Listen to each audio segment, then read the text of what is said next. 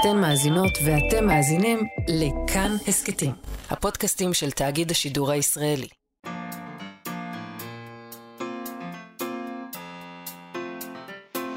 מה שכרוך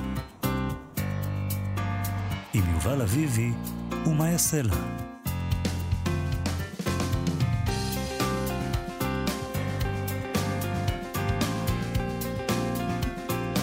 שלום, צהריים טובים, אנחנו מה שכרוך, מגזין הספרות היומי בכאן תרבות, ב-104.9 ו-105.3 FM. אפשר למצוא אותנו גם ביישומון של כאן, באתר של כאן, ובשלל יישומוני ההסכתים. איתנו באולפן, אלכס לויקר ונועה בן הגיא, על ההפקה והעריכה, על הביצוע הטכני, יובל יסוד. שלום לכם, שלום יובל אביבי. שלום מאיה סלע. ככה מצטט דוקטור ראובן גפני מתוך כתביו של אסיר מכלא עכו בשנת 1920. החליטו האסירים, על פי הצעת ז'בוטינסקי, בזמן האחרון, לתרגם לעברית סיפורי הרפתקאות בשביל נערי ישראל.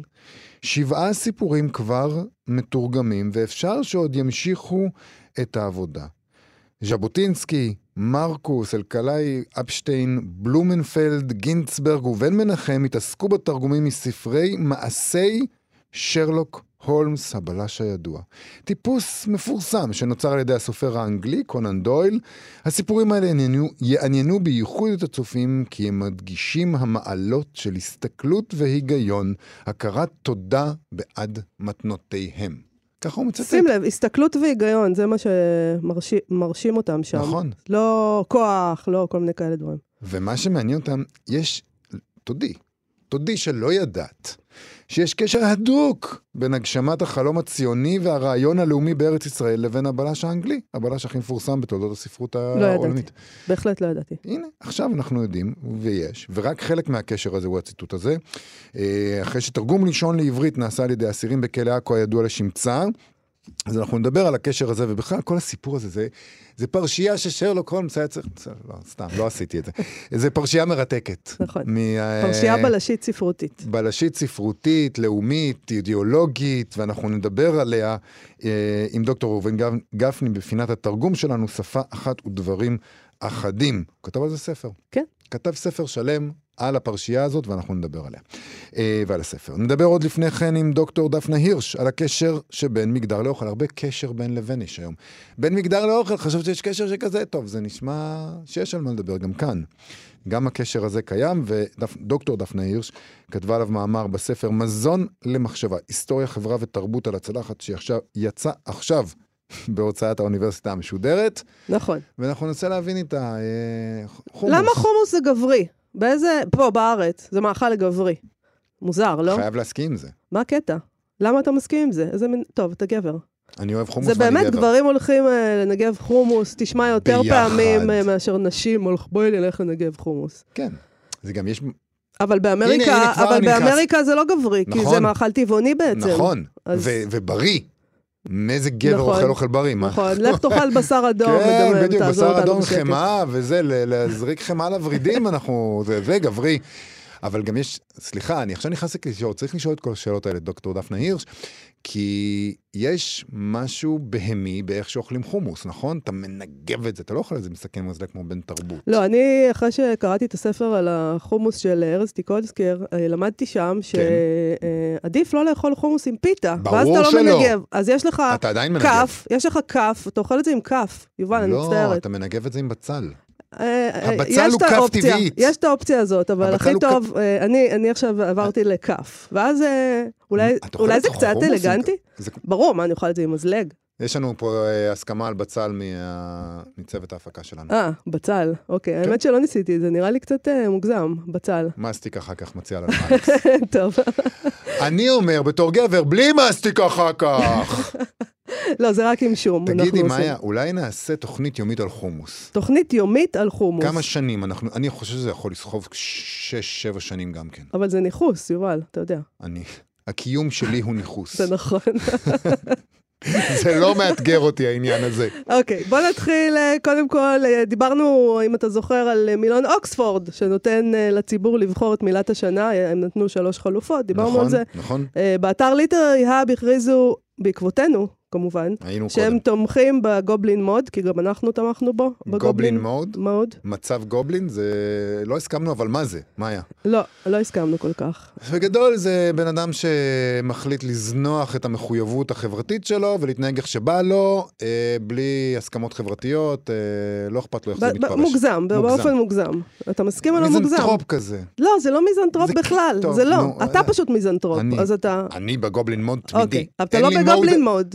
מה- כי אם אתה בגובלין מוד לא בבית, לך, אה, כן. אתה- אתה הצעת, כשדיברנו על זה, בבית עם פיצה נכון. מול הכדורגל, או לא יודעת מה אתה רואה שם, זה לא רואה גובלין. מוד, אתה סתם בבית. ככה אנשים מתנהגים בבית, יובל. זה דבר רגיל. אני חושב שזה לא אוקיי. מוגדר היטב. אין ל... במילון אוקספורד אז לא עשו עבודה מספיק טובה. אוקיי, הזה. בקיצור, אה, יש עוד מילונים, אז אנחנו לא, לא, לא חייבים להיתקע עם מילון אוקספורד. יש. יש את מרים ובסטר, הם לא מתעסקים בדמוקרטיזציה שם, למרבה השמחה, כי באמת נמאס מדמוקרטיה. הם בחרו בעצמם את מילת השנה שלהם, הם לא הציעו שלוש אפשרויות, והמילה שלהם היא גז לייטינג, שזה מושג שבאמת משתמשים בו המון. המון אה, בשנה האחרונה. בשנה, שנתיים, שלוש אפילו, האחרונות. נכון. הכל זה גז לייטינג. נכון. אה, זה מאוד מושג, שימושי. זה מאוד שימושי, זה מושג שמבטא, זה אומר מניפולציה שעושים כדי לגרום לתפיסת המציאות של מישהו אחר להתערער, אה, ולגרום לו להטיל ספק בדברים שהוא היה בטוח בהם, אוקיי? אה, זאת אומרת, בקיצור, אתה עושה, עושה אותי משוגעת, אתה אומר לי שאני לא... מה שאני אומרת לך שקרה בינינו, הריב בינינו, אתה אומר לי, כל זה לא היה בכלל, לא, נגיד. זה משהו אחר. אה, אוקיי, אז באמת הייתה אינפלציה מטורפת אה, של השימוש במילה הזאת. אה, המונח הזה מגיע ממחזה, מאורות הגז, מחזה מ-1938. אחר כך היה גם סרט אה, עם אינגריד ברגמן, נכון. שבמחזה הזה יש בעל שמשנה את עוצמת האור בבית. אה, כשאשתו מתלוננת על זה, הוא טוען שהיא הוזה, והוא גורם לה לחשוב שהיא פשוט אה, משתגעת. אה, מסביבנו הרבה אנשים שמעוניינים להגיד לנו שאנחנו... זה קורה לי המון. אבל אני חושבת שאני משוגעת כשזה קורה לי. כי אני חושבת שכולם עושים לי גז לייטינג, אז אנחנו, הדבר הזה שאנשים אומרים לנו שאנחנו מדמיינים דברים, שאנחנו מגזימים, שאנחנו פרנואידים, שהמציאות היא בעצם אחרת מאיך שאני רואה אותה. אז אני חושבת שזו בחירה טובה, גז לייטינג. כן. גם לאומית אני חושב שזו בחירה טובה. מרגיש שכל מיני ציבורים בישראל חושבים שעושים להם גז לייטנינג. עושים לנו גז לייטינג, כן. בהחלט. נגיד התקשורת. עוד לא עושה- הגענו לשלב הזה שבו אומרים על מנהיג, אני חושבת שהוא עושה גז לייטינג, נכון? חבל. אמ, תלו- שלב מסוכן כזה. תלוי איזה מנהיג. כן, אולי לא אומרים אבל הוא עושה. הוא עושה. אבל לא, לא, כל המנהיגים עושים את זה בעצם, לא? לא. לא. מעניין אם אפשר לשלב, נגיד יובל נכנס ל goblin mode שלו ועשה לי גז לייטינג. זה מה שאתה עושה, יובל. אפשר להגיד את זה? אה, אבל שוב, זה שוב, זה כאילו, זה כאילו יוצא דופן. לא, זה הרגיל. זה רגיל, נכון. אה, הדבר הבא, אתמול ציינו בעולם את היום ללא קניות, Buy Nothing Day, זה יום מחאה כנגד תרבות הצריכה. לא במקרה הוא צמוד ל-Black Friday שהיה, אה, ימים של קניות מוגברות. מדובר בזמן הזה שאחרי חג ההודיה ולפני חג המולד, שכולם עושים שופינג בניכר. לא רק בניכר, גם פה, אבל פה זה סתם עושים שופינג, בלי קשר לחג ההודיה וחג המולד. מעלים את המחירים ב-40% ואז נותנים 40% הנחה. בדיוק. אה, בוא נגיד, אה, כשאני אומרת שמציינים בעולם את היום ללא קניות, אני קצת נדיבה. אני חושבת, זה פחות תפס מההנחות של Black Friday. אה, לכבוד היום הזה, אבל רצינו לדבר על הודעה שמצאתי של משרד המשפטים האמריקאי. התפרסמה בעיניי בתזמון מושלם לצד היום הזה. אה, בהודעה הזאת הם מודיעים שהם עצרו שני אזרחים רוסים שמואשמים בכך שהם הפעילו אתר אונליין בשם Z Library, אתר פיראטי של ספרים דיגיטליים. דיברנו על האתר הזה פה לפני כמה שבועות. דיברנו על העניין הזה של אה, שהאמריקאים אה, רוצים להעמיד אותם לדין וזה. כן, אז השניים האלה נעצרו עכשיו, נעצרו בקורדובה, בארגנטינה, זה נפלא. לבקשת האמריקאים, כלומר צו הסגרה וכל הדבר הזה, הם לוקחים את זה מאוד ברצינות. אה, הממשל האמריקאי כמובן גם הוריד את האתר הזה מהרשת. אה, הם נוהגים ביד קשה. כן. אה, בצדק.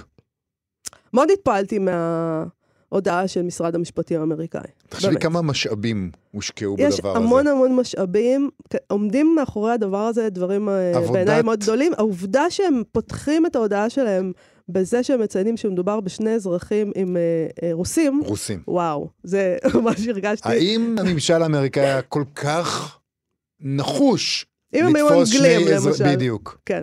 יכול להיות שלא. אבל הם כותבים שם, הם שומרים על לשון נקייה, הם לא מאוד. רוצים ללכלך אה, על האזרחים הרוסים הטובי לב האלה, הם אומרים, השניים הרוויחו באופן לא חוקי מעבודות שהם גנבו. הרוויחו, הם גנבו. הם הרוויחו באופן לא חוקי. גנבו חבר'ה, זה- זה קל לאיית את זה, זה גם יותר קצר. אה, לעיתים קרובות הם אומרים, הם העלו לאונליין ספרים בתוך שעות מרגע פרסומם, ובכך פגעו בסופרים, מו"לים וחנויות ספרים. אנו מחויבים להגן על הנכסים האינטלקטואליים וזכויות היוצרים שמאפשרים ביטוי אומנותי ויצירתי, ואנחנו נגרום למי שמאיים על הזכות הזאת לשלם על כך.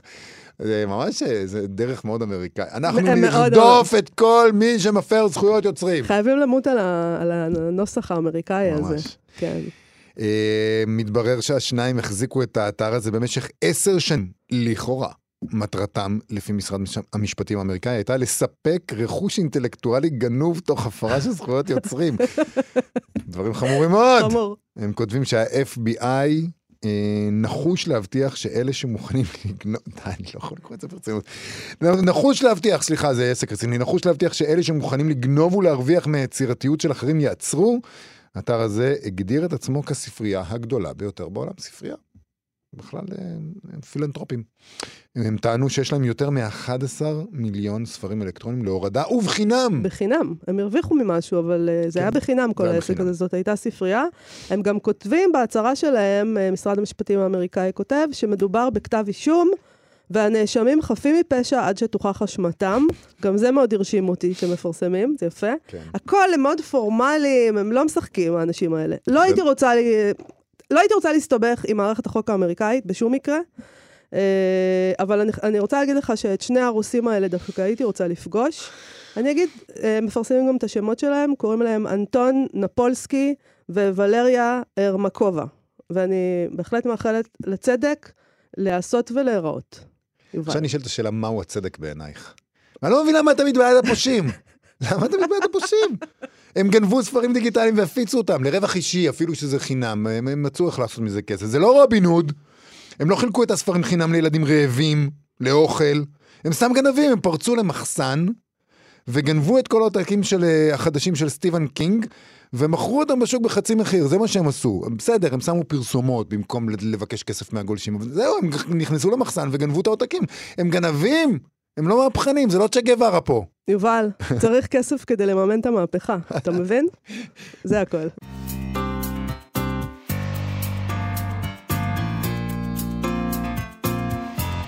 מה שכרוך בכאן תרבות, חזרנו אל אוכל. איך זה שסטייק הוא מאכל גברי וסלט הוא מאכל נשי? או עוף. זה כאילו, אתה יודע, אומרים אה, בשר, אה, סטייק, נכון. גברים אוכלים סטייקים, ונ- מב- ונשים יאכלו עוף. לפ... ל- על האש, בעל האש. שמביאים פרגית כדי שלבנות יהיה לבנות מלא יהיה אוכל. מה לאכול. אם כבר אבל אה, צמחונות היא עניין נשי, איך זה שחומוס כאן אצלנו הוא מאכל גברי דווקא, חרף צמח... צמחוניותו, שלא לומר טבעוניותו. טבעוניותו. זה טבעונית, חומוס זה טבעוני. אבל אוכלים אותו עם ביצה. מי אוכל אותו עם ביצה? כולם. די, אל תהיה ברברי, לא אוכלים חומוס עם ביצה. ברור לא, שאוכלים... לא, לא, לא.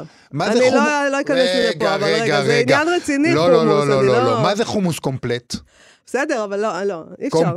אני לא אוכלת חומוס עם ביצה. מה זה. קומפלט? קומפליט, זה מושלם. חומוס מושלם הוא עם ביצה. אה, זה טמון בשם, אתה אומר. ככה קוראים לזה פשוט. חומוס סתם זה חומוס, ואם אתה רוצה שהוא יהיה קומפלט, אז הוא עם ביצה. אוכלים אותו עם ביצה. כי כנראה. אנחנו גברים. Mhm. זה מה שהופך אותו לגברי. אתה צריך החלבון, בגלל שהיית בחדר כושר עכשיו. בדיוק. כן.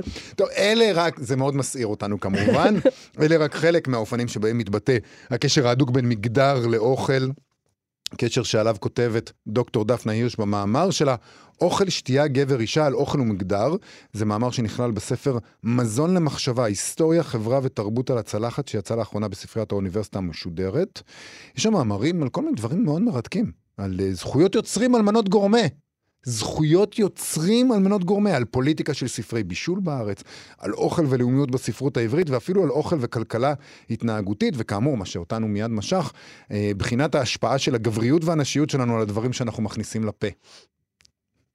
דוקטור דפנה הירש היא חוקרת תרבות במחלקה לסוציולוגיה, למדע המדינה ולתקשורת באוניברסיטה הפתוחה, והיא עוסקת במחקר של תרבות האוכל בישראל תוך שילוב של פרספקטיבות היסטוריות, סוציולוגיות ואנתרופולוגיות. שלום דוקטור דפנה הירש. שלום, שלום. אז קודם כל, הקשר בין מגדר למזון מתחיל עוד לפני שמתחילים לבחון אילו מזונות הם גבריים ואילו הם נשיים, נכון? זה מתחיל עוד קודם. כמובן, כמובן, זאת אומרת, זה מתחיל uh, בשנייה שבה גוף הנשי מתחיל לייצר, uh, לייצר מזון, uh, מזון לצאצאים. אז מהבחינה הזאת, זאת אחד ההסברים באמת לזיהוי של נשים עם תחום האופן באופן, עם תחום האוכל באופן כללי, נוגע באמת ל, ל, לעובדה הביולוגית הזאת שהגוף של האישה הוא בעצמו אוכל, הוא מייצר אוכל. וזה גם קשור לזה שאנחנו מתייחסים לנשים בתור יצורים יותר מנחמים. כשאנחנו חושבים על נחמה, מן הסתם זה מחבר אותנו למקום הזה שבתור uh, תינוק הח, הח, החזיקו אותנו, אותי, uh, בחק, החמים והנעים והבטוח, ואכלתי, ואז כל פעם שאני רוצה להתנחם, אני הולך לאוכל ואני מרגיש משהו נשי בעצם. כמובן שאתה גם הולך למי שבדרך כלל, ברוב המקרים, אה, היא זו שאחראית על הכנת האוכל בבית, וזה אה, לא קשור בהכרח לנחמה כמו, אה, כמו לחלוקת העבודה המגדרית, כן? ולעובדה שנשים הן אלה שבדרך כלל ממונות על אותן מלאכות של שעתוק החיים. 2022, זאת אומרת, זה עדיין נשים אחראיות על להכין אוכל, וגם אם הגבר הוא בשלן, חובב, אה, קודם כל לא נקרא לו בשלן, נקרא לו שף, והוא יכין איזה פעם בחודש ארוחה מפונפנת, כי הזמנו אורחים, ויעשה את כל ה... יפרוס את נוצות הטווס שלו, וכולם יגידו, וואו, איזה דבר, איזה שף מדהים. ואת זאת שכל יום מכינה ארוחת צהריים לילדים שלך, שלכם. אה, אכן כן, אה, למרות שיש, זאת אומרת, יש איזה תהליך שינוי בתחום הזה, עדיין אה, הרוב המכריע של המבשלים הן מבשלות. הצגתי במדד המגדר אה, משנת 2021, אה, מדד המגדר של ונביר, אז מופיע שם שב-66% ממשקי הבית שבהם יש גבר ואישה, הנשים הן המבשלות, 25% גם וגם, 6% זה גברים. כשגם וגם אנחנו כמובן לא יודעים באמת אם, זה, אם זו חלוקה שוויונית, או ש... זאת אם הגברים, כן, פעם בשבוע מכינים ארוחה, אז זה נחשב שגם וגם. זה די מדהים שזה עדיין ככה, אבל נגיד, אם אנחנו מסתכלים על uh, שפים, אני לא יודעת אם יש לך סטטיסטיקה, אבל רוב השפים, לפחות שהם uh, uh, מוצגים בפנינו ושאנחנו מכירים, זה גברים. יותר מהשפים יש משפיות. כן, כן. אין לי סטטיסטיקה, אבל ללא ספק אה, זאת אומרת, זה גם מקצוע שנתפס כמקצוע גברי, וגם, זאת אומרת, אפשר לראות שכמעט כל הסלבריטי שף הם גברים. גם הדימוי של שף שיש לנו הוא דימוי מאוד גברי. זורק סירים, מקלל. כוחני, מקלל, דורש כן. שלמות. אה, כן. כל הדברים האלה שלכאורה נשים אה, לא מאופיינות אנחנו לא זורקות צירים אף פעם. לא? ואתן גם לא שואפות לשלמות כמונו, בגלל זה העולם נראה כמו שהוא נראה. אז uh, אני חושבת שזו דוגמה מצוינת באמת ל... ל לאופן שבו אה, העובדה שנשים הן אלה שבמרחב הביתי אמונות על הכנת האוכל, זו הבניה חברתית. כן? זאת אומרת, אין כאן שום דבר מהותי, אין כאן שום דבר שבאופן מהותי קושר נשים דווקא להכנת אוכל, ולראיה באמת במרחב הציבורי, אה, אה, באופן מסורתי, אה, גברים הם אלה ש, אה, שבישלו. עכשיו, כיום מבחינת בישול, כמובן שהרבה מאוד נשים מבשלות במרחב הציבורי, אבל עדיין היוקרה שכרוכה בבישול ציבורי בדרך כלל, בדרך כלל נחלתם של גברים. אז בואי נעבור רגע באמת לחלוקה מגדרית של מזונות, שזה באמת, כשקוראים את זה, זה, זה כל כך טבעי לנו, נכון? הדברים שאת כותבת עליהם במאמר, הם, הם, הם, הם, אוטומטית אני אומר, נכון. זה, זה נשמע באמת, מצד זה... אחד מטורף, ומצד שני, אבל, כן, אבל, ברור, כן, זה נכון. ברור, נכון, כן. סטייק זה גברי, נכון, גברים אמיתיים אוכלים סטייק, נשים לא אוכלות. ואז אתה אומר לך, למה, מה, זה מטורף? היא כותבת גם, זה נכון גם שנשים לפני, אוכלות בבית לפני דייט, כי הם לא ירצו שאני... לאכול בדייט, כי, לא, כי לא אישה שאוכלת, עצם זה שהיא אוכלת, זה לא נכון. לא נשי, זה מטורף, אנחנו יודעים שהן אוכלות. כן. אנחנו יודעים את זה, כן. קשה להתקיים בלי מזון. מעט אבל. מעט וחסה. כן. אבל איך בכלל נוצר מצב שיש חלוקה מגדרית למזונות, ולמה זה כל כך טבעי לנו ש... שחלק מהאוכל הוא מתאים לגברים? מה זה השטויות האלה? עכשיו, תראו, קודם כל צריך לומר ככה, אני אתרים איזה, אה, איזה מחשבה שבטח עוברת אה, אה, בראשם של הרבה מאזינים, ואומר ש, שההבחנות האלה הן כמובן אוריינטציות קולקטיביות, כן? זאת אומרת, זה לא אומר שנשים לא אוכלות סטייקים ולא אוכלות חומוס ולא אוכלות עוד... שוב, זה תפוחי אדמה לעומת סלט, כן? כן. אז, אז, או גברים לא אוכלים מאכלים שמזוהים כנשים. כן, אבל עדיין אה, ההבחנות האלה קיימות, הן קיימות גם ברמה של האופנים שבהם אנחנו מזהים מאכלים וגם ברמה של, אה, של דפוסי צריכה. אה, מגדר הוא לא רק מבנה של כוח חברתי, הוא גם מערכת סמלית שמסמנת את העולם החברתי והעולם החומרי ושמסומנת דרכם. זאת אומרת, המגדר שלנו לא מסומן רק על ידי אה, אה, או יש שיאמרו במידה קטנה על ידי המין הביולוגי, אלא על ידי אופן ההתנהגות שלנו והדיבור אה, והלבוש והאופן שבו אנחנו מקיימים אינטראקציה עם העולם החומרי סביבנו. ומהבחינה הזאת, מאכלים, כמו הרבה מאוד דברים אחרים, מסמנים, כן, מסמנים את הזהות שלנו. עכשיו, יש הסברים שונים. המגדור של מאכלים הוא כמובן משתנה מתרבות לתרבות, הוא משתנה לפעמים מהקשר להקשר, אה, הוא יכול להשתנות לאורך זמן. אה, החומוס בישראל נתפס כמאכל גברי, בארצות הברית הוא דווקא נתפס כניטרלי נוטה לנשי, בדיוק בגלל הסיבות ש... כי זה לא בשר, כן. כן, ושם הוא גם נכנס בגדול דרך התעשייה, שזה סיפור אחר. זאת אומרת, גם בארץ, אם אנחנו מסתכלים על אה, מגדור של חומוס, אז גם בתוך החומוס, כן, זאת אומרת, המגדר מייצר תמיד הבחנות בין קטגוריות, אבל גם בתוך קטגוריות. כן? גם בתוך קטגוריית החומוס, חומוס מחומוסייה שמנגבים ככה עם פיתה בחבר'ה, כן. אה, הוא הרבה יותר גברי מאשר חומוס מקופסה ש... כן, שאת קונה לילדים פשוט, זה הרגע ש... כן. כן, מורחים על הסנדוויץ' בבוקר. אה, ויש כל מיני הסברים לזה, זאת אומרת, בהקשר של הבשר למשל, יש הסברים שישימו דגש על הבדלי הכוח בתוך המשפחה, ואז אה, הגברים ש, אה, שיש להם יותר כוח ויוקרה יקבלו את, ה, את המזונות היקרים יותר, המבינים יותר. יש הסברים שקושרים את הגבריות של הבשר באמת לעובדה שגברים הם אלה שעסקו בציד, כן, לכך שאכילת בשר מייצגת איזה סוג של התגברות על הטבע. ו, אמ, ויש שיתלו את זה יותר באמת בתכונות, אה, בתכונות של, ה, של המזון עצמו ובאופני ה, אה, הצריכה שלו. כן, למשל הסוציולוג הצרפתי פייר בורדיה אה, דיבר על המגדור של מאכלים, כש, כשאצלו, זאת אומרת, מגדר הוא גם תלוי מעמד, כן, הגבריות של, של המעמדות הנמוכים היא לא זהה לגבריות של המעמדות הגבוהים, אבל הוא דיבר גם, גם על האופן שבו יש בכל מעמד אה, דימוי גוף גברי שונה, כן? ואז אנחנו, זאת אומרת, גבריות של, זאת אומרת, גברים ממעמד הפועלים יצרכו מאכלים שקשורים לדימוי הגוף המוצק, החסון, כן, מאכלים נותנים כוח, ממלאים מאוד. יש אבל תמיד את ה... תמיד, הרבה פעמים כשמדברים על מגדר, אז השיח... אה... השיח התרבותי אה, נתקל בתגובות של טבעיות ושל אבולוציה.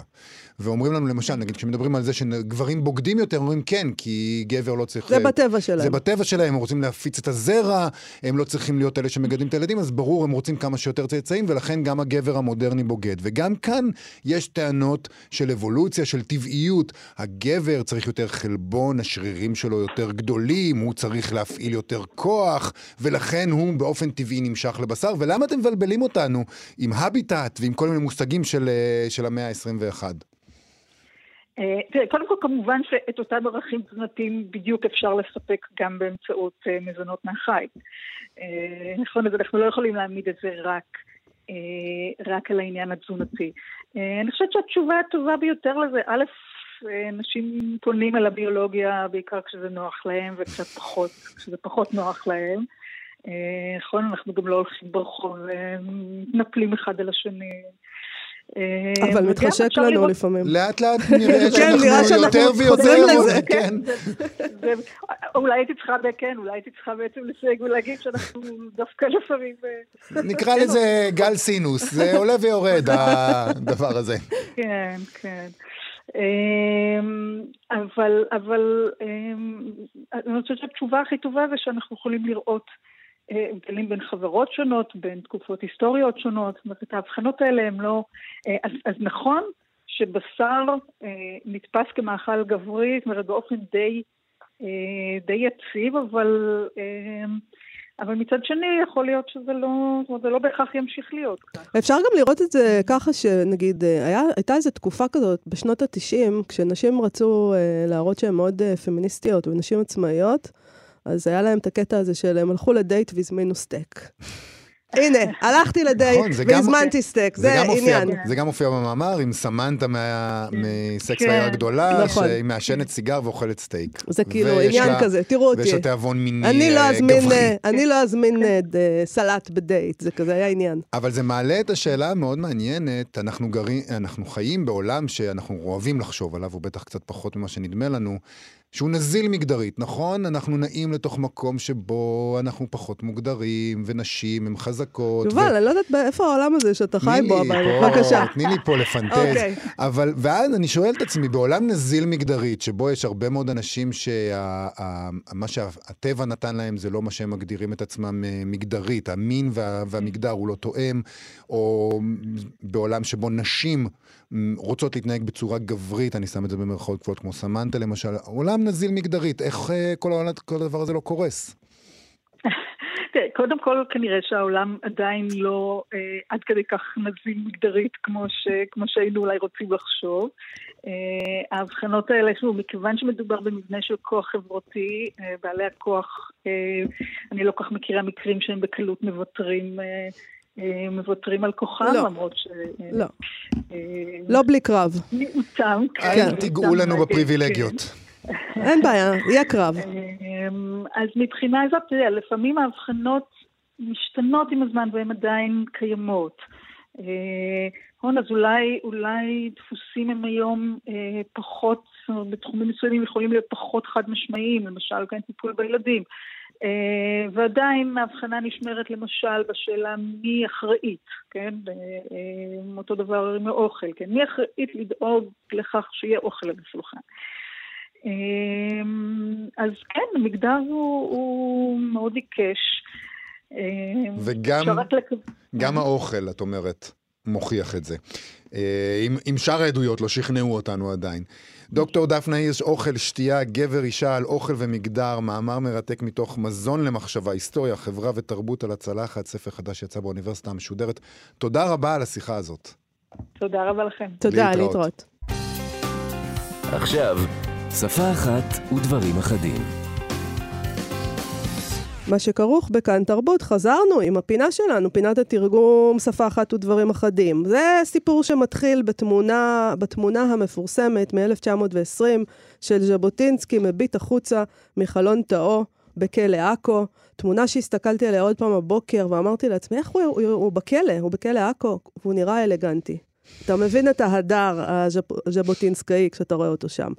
קאט, מאה שנה מאוחר יותר, החוקר דוקטור ראובן גפני מגלה בארכיון ז'בוטינסקי שש מחברות, שבהן תרגומים של שלושה סיפורי שרלוק הולמס. ואז מגיע עוד גילוי, אנשי הארכיון שמכירים את כתב ידו של ז'בוטינסקי, פותחים את המחברות המאובקות, אה, הם מיד מזהים שכתב היד במחברות לא שלו. אה, הגילוי הבא הוא שכתב היד גם לא שייך לאיש אחד, אלא, אלא אה, אנחנו מבינים שמתוך התא שלו בכלא עכו, ז'בוטינסקי ניהל מפעל תרגום, מפעל של כתבי ארתור קונן דויל. ספר חדש לעברת את שרלוק הולמס, אה, יצא עכשיו, כתב אותו דוקטור ראובן גפני. הוא מתאר שם את הפרשייה הספרותית והאידיאולוגית הזאת מתקופת המנדט.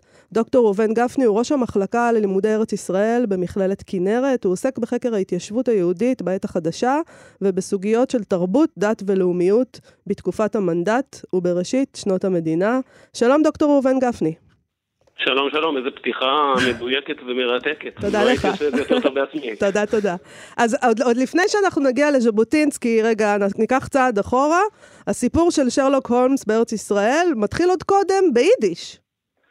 אז אה, אה, בוא נגיד ככה, הסיפור של שרלוק הולמס והקורא היהודי מתחיל קודם ביידיש, והוא מתחיל במזרח אירופה מצד אחד, ברוסיה, בפולין ובמקומות אחרים, ומצד שני, לא מפתיע גם מעבר לים, גם ב- מעבר לאוקיינוס, יש, יש לומר, כן. ישנו, ישנם פרסומים של תרגומים ראשונים ראשונים של שרלוק הולמס ליידיש, כבר בסוף המאה ה-19 בעיתון הפורברס, אחד העיתונים היהודים הידועים ביותר שיצא ב-Lower East Side בניו יורק, אז הקהל היהודי כבר מתחיל לקרוא את, אה, את אה, קונן דויל בסיפורי שרלוק הולמס שלו, סוף המאה ה-19, תחילת המאה ה-20, גם ביידיש, גם בשפות אחרות. אבל, כפי שפתחת מעצמך, עד 1920 אין את שרלוק הולמס בעברית, ואז מתרחשת הדרמה הגדולה שעליה אפשר לדבר.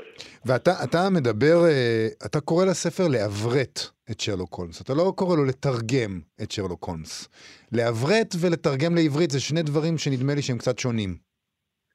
זאת הערה ממש, ממש טובה. אה, אני לא אומר את זה רק כדי לשבח, אלא כי זה כך. משום שהפרשה שאני מספר עליה בספר היא לא רק התרגום הטכני של הסיפורים שמתחיל ב-1920 מצד אחד בכלא עכו ומצד שני אצל איזה מורה בוורשה, אלא הוא גם לאמץ את התרבות השרלוק הולמזית. זאת אומרת, להכניס את השם שרלוק הולמס לסל התרבות העברי הארץ ישראלי, וזה כולל לא רק ספרים, זה כולל גם כתבות בעיתונים, וזה כולל גם אה, מחזות. אז בעצם אולי הייתי יכול להגיד, לאמץ את המותג שרלוק הולמס, אבל, זה, אבל זה לעברת, כי, כי בעצם זה להפוך, לייבא את זה לתוך התרבות העברית, בראש ובראשונה באמצעות תרגומים, אבל לא רק באמצעות תרגומים, גם באמצעות סאטירה. ופרודיות אה, וכל מיני דברים מהסוג הזה, אז זה מהלך קצת יותר רחב. והם לא הפכו את שרלוק, זאת אומרת, היה, הם לא הפכו את שרלוק לישראלי, עוד לא היה ישראל, אבל אתה יודע, הם, הם השאירו אותו שרלוק הולמס, יכלו להחליף לו את השם. זה, זה הרבה יותר מפתיע ממה שזה נשמע, אני חושב, משום שאנחנו יודעים שהיו תרגומים בני הזמן, רומאו ויוליה הופכים לרם ויעל, נכון. ויש, אה, ויש תרגומים אחרים, לא. פה יכול להיות שכדי להשאיר משהו מהזרות, מהריחוק, מהקוראים, כדי שזה ייראה משהו עדיין עם איזה מין הרפתקה של לבקר במקום רחוק ולא מוכר, אולי בגלל זה אה, משאירים את השמות המקוריים, אבל יכול להיות שיש גם סיבה אחרת. אני רוצה רגע לדבר על ז'בוטינסקי, כי אני חייבת, אי אפשר, ל- לא, לא יכולה לזנוח את הדמות הנפלאה הזאת. מה, מה פתאום הוא מתרגם את שרלוק הולמס? מה, למה דווקא אותו? אוקיי, קודם כל נתחיל, נתחיל אה, לאור הפתיח, הוא עושה את זה, מתחיל בכלא עכו כי יש לו תא פרטי בכלא עכו, שמשם הוא מנהל את ענייני הציבור שלו והפוליטיקה שלו. הבריטים ידעו שמדובר באיש ציבור, ונתנו לו לעשות מה שהוא רוצה, זה לא סתם שהוא נראה אלגנטי בתמונה. כן, כן. א', שנית, אה, ז'בוטינסקי מאוד מאוד אה, אוהב, אפילו אפשר לומר מעריץ באותה תקופה, זה ישתנה, את התרבות הבריטית, ורוצה שהתרבות העברית תחקה אותה. שלישית, ז'בוטינסקי מכור לספרות מתח ו- ו- וספרות בלשית.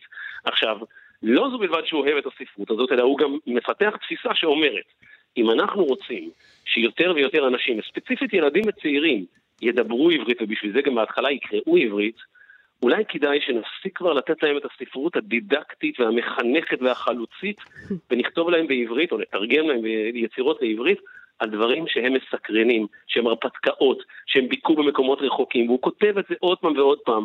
אם אתם רוצים שהחבר'ה הצעירים יקראו עברית, תנו להם ספרות שתרתק אותם, ומותר שזה יהיה גם ספרות בילוש, ואם כבר ספרות בילוש, אז בעיני ז'בוטינסקי, ודאי שנתחיל בספרות הבריטית, כי את קונן דויל הוא מאוד מאוד אהב. זה מדהים, כי זאת בעצם, אה, זה מחלה, אה, יש איתנו מחלה של הספרות העברית, שקצת השתחררנו ממנה בשנים האחרונות, אבל היא נמשכה עד לא מזמן.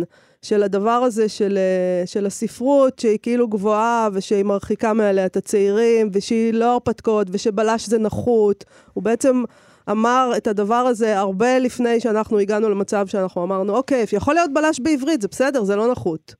לא, לא רק שיכול להיות בלש בעברית, א' יכול להיות בלש טוב בעברית, יש לי כמה סדרות בלשיות פנטסטיות בעיניי בעברית, אבל יכול להיות, ומותר לנו גם להתעסק בזה, שזה חידוש בפני עצמו. מותר לדבר על זה, זה לא בושה.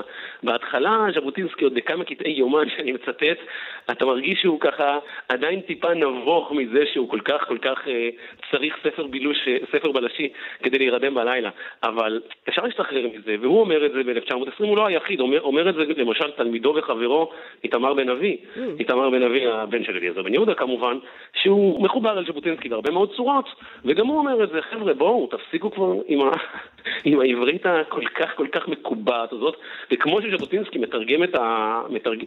מתרגם את שרלוק הולמס, אז איתמר בן אבי מוציא את עיתון דואר היום. מה עושה עיתון דואר היום? אומר לעיתונים המאובקים וככה מאוד מאוד קפוצי, אה, קפוצי איברים, אומר להם, חבר'ה, שתחררו, אפשר לכתוב על דברים מרתקים, אפשר לכתוב קצת רכילות, אפשר קצת לכתוב משהו בצורה של סקנדלים והכל הולך. זה, נכון, זה מעניין, אני... כי דווקא ז'בוטינסקי, הייתי חושבת, האידיאולוג הגדול הזה, ז'בוטינסקי, בעצם יוצא נגד הספרות האידיאולוגית, אומר, אל תבלבלו את המוח כל הזמן עם חלוצים וזה, ת, תשעשעו אותנו גם קצת. זה מעניין, אבל זה לא כל כך מפתיע. ז'בוטינסקי בסך הכל אה, השתייך לא למעמד הפועלי החלוצי. אה, אולי הוא חשב על עצמו בשלב מסוים ככזה, אבל לא באמת היה כזה. אה, יש בו משהו מן הבורגנות, גם האינטלקטואלית וגם התרבותית. זה לא מפתיע שהוא נמשך לספרות כזו, אבל, אבל צריך לומר עוד משהו. בגלל שז'בוטינסקי מכיר את התרבות הבריטית, אז הוא יודע שב-1920 שרלוק הולמס כבר נחשב קלאסיקה. לא קלאסיקה אולי כמו צ'ארלס דיקנס, אבל, אבל קלאסיקה של מבוגרים. כן. ו, וזה גם, זאת אומרת, הוא הופך את זה לספרות ילדים, אפשר אולי לדבר על זה עוד מעט, אבל בבריטניה זה כבר מקובל, אז הוא לא עושה פה איזה משהו שהוא ממש חריג. אני רוצה, אתה אומר בעצם שחלק מהמאמץ שלו גם היה אה, לתרגם את זה לשפה שכולם יוכלו לקרוא אותה, שתהיה קלה, שלא תהיה השפה הזאת שהרחיקה כל כך הרבה אנשים אה, מהקריאה. וכשאתה נתקלת בתרגומים האלה, הרגשת את זה עדיין בעברית, או שהעברית הזאת אה, כבר קשה יותר, אה, כן, כן, התיישנה?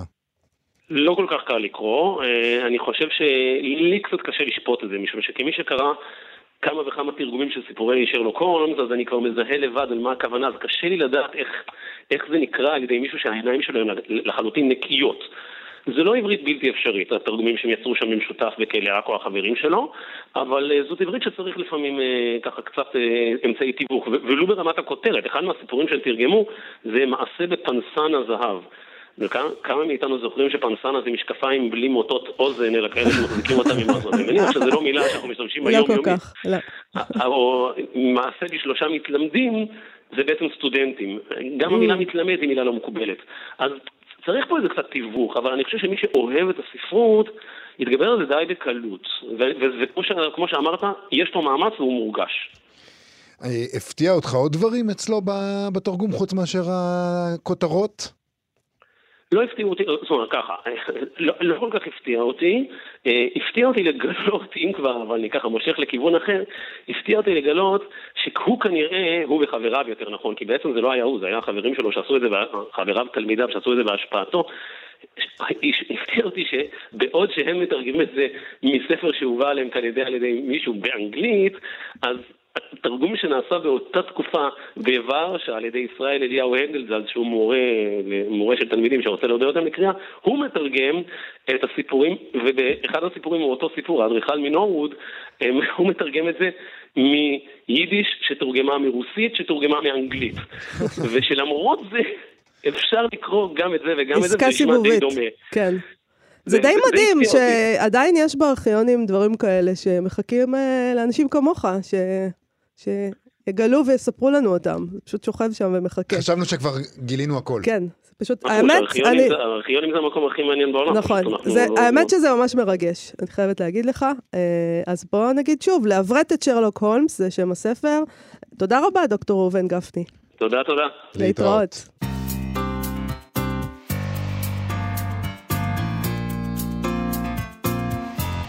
חזרנו עם סטטוס ספרותי, הפעם של פרויקט בן יהודה, האתר הנפלא, אנחנו אוהבים אותו. מאוד. Uh, שמעלה לרשת יצירות שלמות שזכויות היוצרים עליהן פגו, או איך אומרים, פג התוק, איך אומרים בכלל? תמיד אני מתלבט בזה. מה אומרים על זכויות יוצרים? פגו. פגו? Uh, והכל שם בחינם אין כסף. לגמרי. אנשים, אתם פשוט יכולים להיכנס ולקרוא. ויש שם, אין, הוצאות. זה דבר, זה אוצר. וככה הם כותבים היום, אה, לא היום, אתמול, בפייסבוק. תמיד היה קשה להתפרנס מספרות. כך כותב צ'רניחובסקי לידידו, חוקר הספרות, ההיסטוריון, העורך והמבקר יוסף קלוסנר. שמונה ספרים משלי נמכרים בשוק, ואני, אין לי 50 דולר מזומנים לחודש. אם אמנם ידידי אתה גאלני מן הספרות ומן המו"לים, כי אין לי כוח נשוא יותר. תגאל אותי מהמו"לים. משרה של חובש מצא לי, ובלבד שאפטר מן הספרות. הלא גם את בית הספר למסחר רציתי, כלום אי אפשר למצוא בשבילי משרה, משרה של בוכלתר קורספונדנט? איני יכול לחיות ואיני רוצה לחיות על העט. לחיות על העט, שים איני לב. רוצה ואיני יכול. אבל כאילו, הוא מקביל, יש את ה... לחיות על החרב, כן. הוא לא רוצה לחיות על העט. נכון, זה יפה. אפשר להבין אותו. הם מוסיפים שם אה, שמכתבים נוספים של צ'רניחובסקי לקלוזנר, שהוקלדו מכתב ידו, יפה, עלו בשבוע שעבר לאתר בפרויקט בן יהודה, אנשים יכולים ללכת לראות. אה, יש שם קולגות מושמצים, שאנחנו תמיד אוהבים, טרוניות כלפי אורחים, גם אוהבים, קנאה, אגו, הצלחות, אוהבים הכל. אה, צרור כתבים שנפל מן האונייה לים, ובעיקר חברות אמיצה, כזו שמתלבטים בה על קוצו של יוד. למשל, הם, הם שואלים את עצמם, איך יותר נכון להגיד, לכתוב, איליאדה או איליאדה? בסוף בחרו באיליאדה. אני, עד היום אני לא בטוח שיש הסכמה גורפת על הנקודה הזאת. Mm, אוקיי. לא חייבים להסכים, אבל זה נחמד להתלבט. אני אומרת איליאדה. הציטוטים והצילומים אה, הם מתוך המכתבים מהארכיון של יוסף קלוזנר, מה שהעלו שם, אה, והם גם אה, אומרים שהם קיבלו את זה באדיבות הספרייה הלאומית, אז נחמד שיש שם... נכון, מי שמחפש את זה יכול כזה. ללכת לשם ולחפש אצלם קובץ מכתבי צ'רניחובסקי חמש. Hmm. אבל בטח גם ארבע טוב. אי אפשר לדעת. אה, כמובן שרצנו לאתר לראות מה עוד יש שם, כן, בעיקר הקולגות המושמצים עניינו אותי, אה, בגלל האישיות הבעייתית שלי. אנחנו אבל- מבינים לגמרי למה. כן, אבל באחד המכתבים, למשל, הוא מתקן טעויות בסיפורים שהוא קרא. אז אנחנו נקרא קטע קצר נוסף על זה, כי זה באמת מקסים בעיניי. אז הוא כותב כך: בשילוח נדפס כעת סיפורו של דוב קמחי במבוא. ואיני יודע כיצד מדברים רוסית בארץ ישראל, אבל ברוס, ברוסית לעולם אין אומרים נטשה מיכאלובנה. או נטשה או מיכאלובנה, או נטליה מיכאלובנה. לנזירות אין משתמשים בשמות הקטנה בכלל, ואין מזכירים בשם האב, אלא אומרים האחות נטליה. תאמר לו, כלומר, שהוא יאמר, ימסור. לדוב קמחי. כן. כי לא מתיאוריה סתם אני יודע זאת, אלא בתוך דלת אמות בית המנזר גרתי דלת חודשים כאשר נסנו מלפני הגרמנים. אז uh, הוא מידע אישי, וזה מדהים, הדקויות האלה, לא... זה חשוב, מה זאת אומרת? מאוד! כי הרי אחרי זה, כי, כי זה מה שהופך סיפור לסיפור, נכון? ההצלחה ל- לתפוס את הז'רגון. אז הוא כותב גם על גיבור ספרותי הכופף עצמו בשביל לקטוף יסמין. היסמין בפלח רקוב ידוע לי, הוא כותב, בתור סבך גבוה מאוד, ואם נקטפו כל פרחיו, עד שלא נשאר אף אחד שצריך היה להימתח בשביל להגיע אליו, על אחת כמה וכמה שלא נשאר אף אחד שכדאי להתכופף בשבילו. אתה לא מתכופף כדי לקטוף יסמין, זה מה שהוא אומר, וזה חשוב לדעת. לא, זה מדהים, אבל כאילו, באמת הדברים שהפריעו לו, בן אדם, זה פאק באמינות. ככה... איך אני אמור לקרוא את הסיפור הזה כשאני יודע שאי אפשר, לתק- שלא צריך להתכופף בשביל היסמין? ככה פעם היו אורחים. היום זה כבר כמעט לא קורה. כמעט? על דבר כזה? אני לא, לא יודע. אנחנו פשוט לא יודעים כלום, והם ידעו כמה דברים. זה נכון. ועם חוסר uh, הידיעה הזה, שהוא מאפיין אותנו, אנחנו נסיים את תוכניתנו להיום. תודה לאלכס לויקר ונועה בן הגיא על ההפקה והעריכה, ליובל יסוד על הביצוע הטכני. בואו לבקר בעמוד הפייסבוק שלנו, בואו, בואו לשם, אה, זה, ממ- הכל ממשיך שם, ואנחנו נשוב מחר. להתראות. להתראות. אתן מאזינות ואתם מאזינים לכאן הסכתים, הפודקאסטים של תאגיד השידור הישראלי.